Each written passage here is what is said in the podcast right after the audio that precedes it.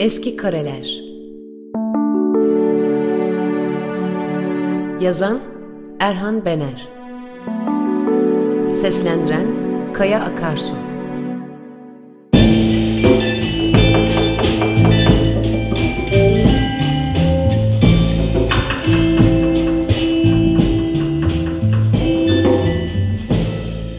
Bir zamanlar pek çok filmde başrol oynamış olan orta yaşlı sinema oyuncusu ne zamandan beri setlere çağrılmamakta oluşunun maddi sıkıntısını cebinde, manevi acısını yüreğinde hissederek yine de gizli bir umutla her sabah Yeşilçam'ın artist kahvelerine gidip köşedeki masalardan birindeki yerini almayı ihmal etmiyordu.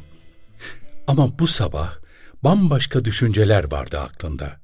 Evden çıkarken hayli ikircikliydi. Yine de bir otomat gibi hareketlerinin farkında bile olmadan erkenden yola koyulmuş, durakta sıranın en arkasına girip otobüs beklemeye başlamıştı. Kuyruk sanki her sabahkinden çok daha uzundu. Bekleşenler sanki daha şimdiden canlarından bezmişlerdi.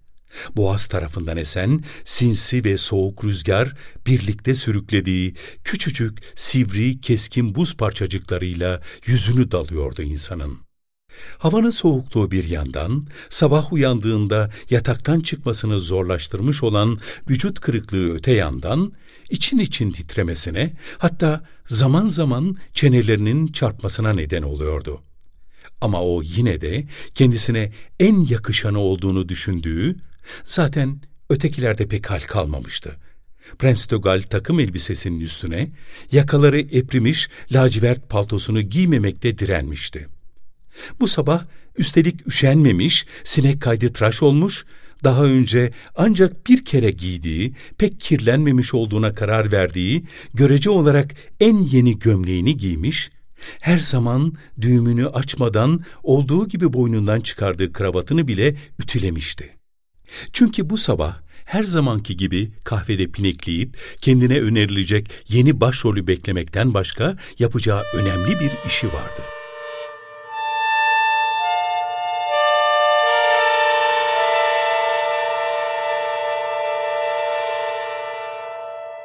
Son günlerde televizyon kanallarından birinin onun eski filmlerini göstermeye başladığını söylemişti kahvedekiler. Ne var ki o kanal kablolu yayın yapıyordu zaten. Doğru dürüst anteni olmadığı gibi artık sesi de görüntüsü de ben gidiyorum arkadaş demeye başlayan evindeki eski televizyonla öteki kanalları bile doğru dürüst izleyemiyordu. Eski filmlerini seyretmek ya da seyretmemek umurunda bile değildi aslında. Belki bir ikisi bir yana onların ne kadar yalap şalap şeyler olduğunu biliyordu. Ama Acaba kendisinden izin alınması gerekmez miydi onları yeniden izleyicilerin önüne çıkarırken? Bunu bir kişilik hakkı yapmak aklının kenarından geçmezdi. Ama yine de kahvedeki arkadaşlarından biri telif hakkı yasasına göre televizyon kanalından para sızdırabileceğini söylemişti ona. Eğer bu doğruysa son günlerdeki sıkıntılarını biraz olsun hafifletebilirdi. Bu sabah televizyon yöneticileriyle görüşmeyi aklına koymuş, bu maksatla çıkmıştı evden. Önce kahveye uğrayıp kafasına bu fikri sokmuş olan arkadaşıyla konuşacak, ne şekilde davranması, ne kadar istemesi gerektiğini danışacaktı ona. O sırada tıklım tıklım dolu bir otobüs geldi. Yine de kuyruk epeyce ilerledi. Orta yaşlı aktör televizyon yöneticileriyle yapacağı konuşmayı kafasında evirip çevirirken yıllar önce esas olan rolünde kendisine sırılsıklam aşık olan genç kızın babası büyük iş adamının bu ilişkiye son vermesi karşılığında önerdiği çok büyük bir meblağı elinin tersiyle ittiği sahne canlanıyordu gözlerinin önünde. Zaman zaman bu sahneyi gerçekten yaşamış gibi göğsü kabarırdı. Ama bir yandan da iki kadeh fazla içti mi yine her şey gerçekten olup bitmişçesine yumruğunu kafasına vurup Ah kelloş, kız seni gerçekten seviyordu. Parayı alıp durumu ona açıklayabilirdin dediği de oluyordu. Hepsi bir yana, konuşmalarını kapı aralığından dinleyen Belgin Doruk'un yaşlı gözlerini anımsadıkça yüreği hala sımsıcak olurdu.'' Yine öyle, onun gibi bir partneri olsa bu kez çok daha başarılı bir oyun sergileyebilirdi. Yönetmen ve yapımcıların bunu anlayamamaları onun en büyük talihsizliğiydi. Arkasında bekleyenlerin uyarısıyla kendine geldi. Durağa yeni bir otobüs daha yaklaşmaktaydı. Bu da tıklım tıklım doluydu. Ama yine de itiş kakış kendisini içeriye atabildi. Biletçi durmadan ilerleyin diye ihtar ediyordu. Oysa ilerlemek ne kelime, soluk almak bile güçtü bu kalabalıkta. Üstelik en tehlikeli sahnelerde bile dublör kullanmazken eskiden beri tramvayda, trende, otobüste ters yönde gitmek başını döndürürdü onun. Yine Belgin Doruk'la çevirdikleri başka bir film geldi gözlerinin önüne. Senaryo Roma Tatili filminin Türkçe versiyonuydu. Belgin Doruk incecikti o zamanlar. İstanbul'u gezmeye gelen bir mihracinin kızıydı. Kendisi de onu izlemekle görevli gazeteci. Bütün o koşuşturma sırasında aralarında hemen bir aşk başlıyor, İstanbul'u birbirine katıyorlardı. Topkapı civarındaki Luna Park'ın dönme dolabındaki sahne çekilirken fena halde midesi bulanmış, Mihrace'nin kızının kucağına kusmamak için kendini zor tutmuştu. İçini çekti. Zaman ne kadar çabuk geçiyordu.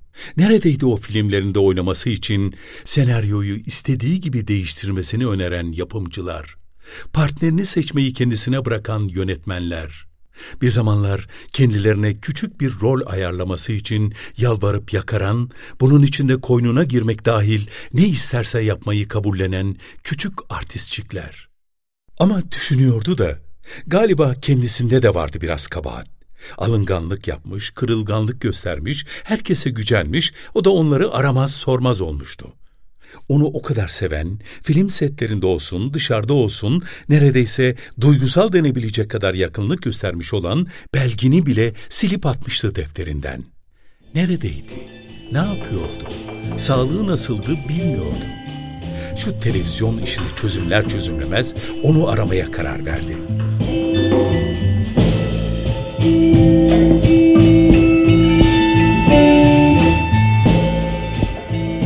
Otobüs Yıldız yokuşundan aşağı zangırdıya zangırdıya ilerliyor, her durakta itiş kakış inenlerle binenlerin yarattığı dalgalanmalar nedeniyle içerideki kalabalığın basıncı daha da dayanılmaz bir hal alıyordu.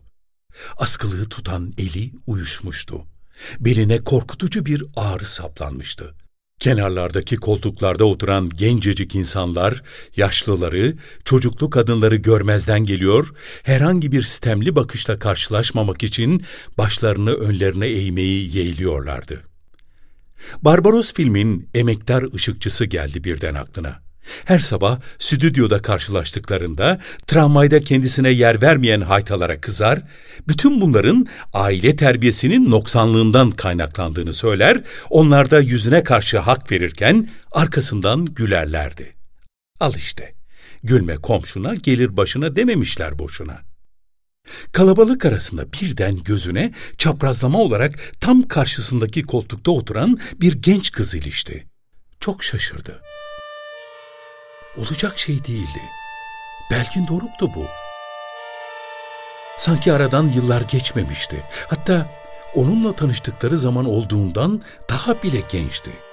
Düş mü görüyordu acaba? Beyni uyuştu.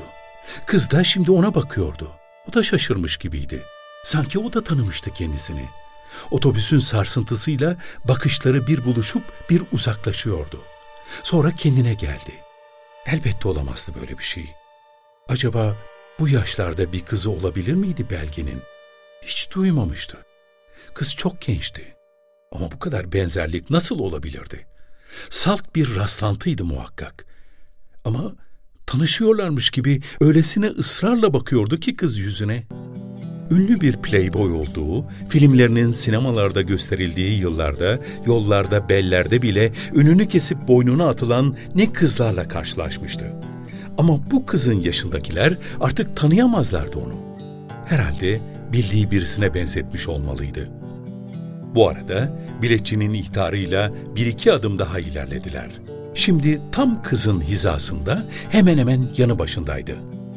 Tekrar beni nereden tanıyor ya da kime benzetmiş olabilir bu kız diye düşünüyordu ki birden kablolu televizyonda gösterilen eski filmleri geldi aklına. Evet, nasıl da düşünememişti. Kız muhakkak o kanalı izliyordu ve onun filmlerini seyretmiş, karşılaşınca da hemen tanımıştı. Demek ki hala tanınabilecek haldeydi. Çekiciliğinden öyle pek fazla bir şey kaybetmemişti. Bu kez daha bir yumuşak, o eski, baştan çıkarıcı, ebedi aşık gülümseyişini takınarak baktı kıza. Kız da aynı şekilde eski hayranlarının tutkulu bakışlarıyla karşılık verdi gülümseyişine. Yüreği hızlı hızlı çarpmaya başladı orta yaşlı aktörün. Olabilir miydi?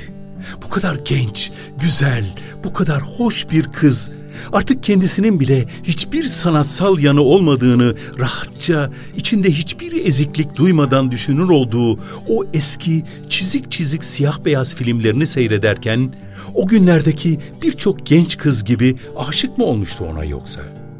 Belki de filmi izlerken annesi o eski günlerinde ona nasıl tutulmuş olduğunu anlatmıştı kızına. Hala eksilmeyen heyecanıyla ve şimdi annesinin anlattığı o kahraman bir gerçek olarak karşısına çıkıvermişti. Evet, hiç kuşkusuz o masal kahramanıydı şimdi bu kızın gözlerinde. Bu bakışları başka türlü nasıl yorumlayabilirdi? İşte yavaşça doğruluyordu yerinden. Onu öyle birden karşısında görünce önce büyük bir şaşkınlığa kapılmış, heyecanlanmış, sonra kendini toplamıştı. Şimdi eski günlerdeki hayranlarının yaptığı gibi boynuna atılı verecekti. Tükrüğü ağzında çoğaldı. Bu kalabalık arasında ne diyecekti ona, nasıl karşılık verecekti?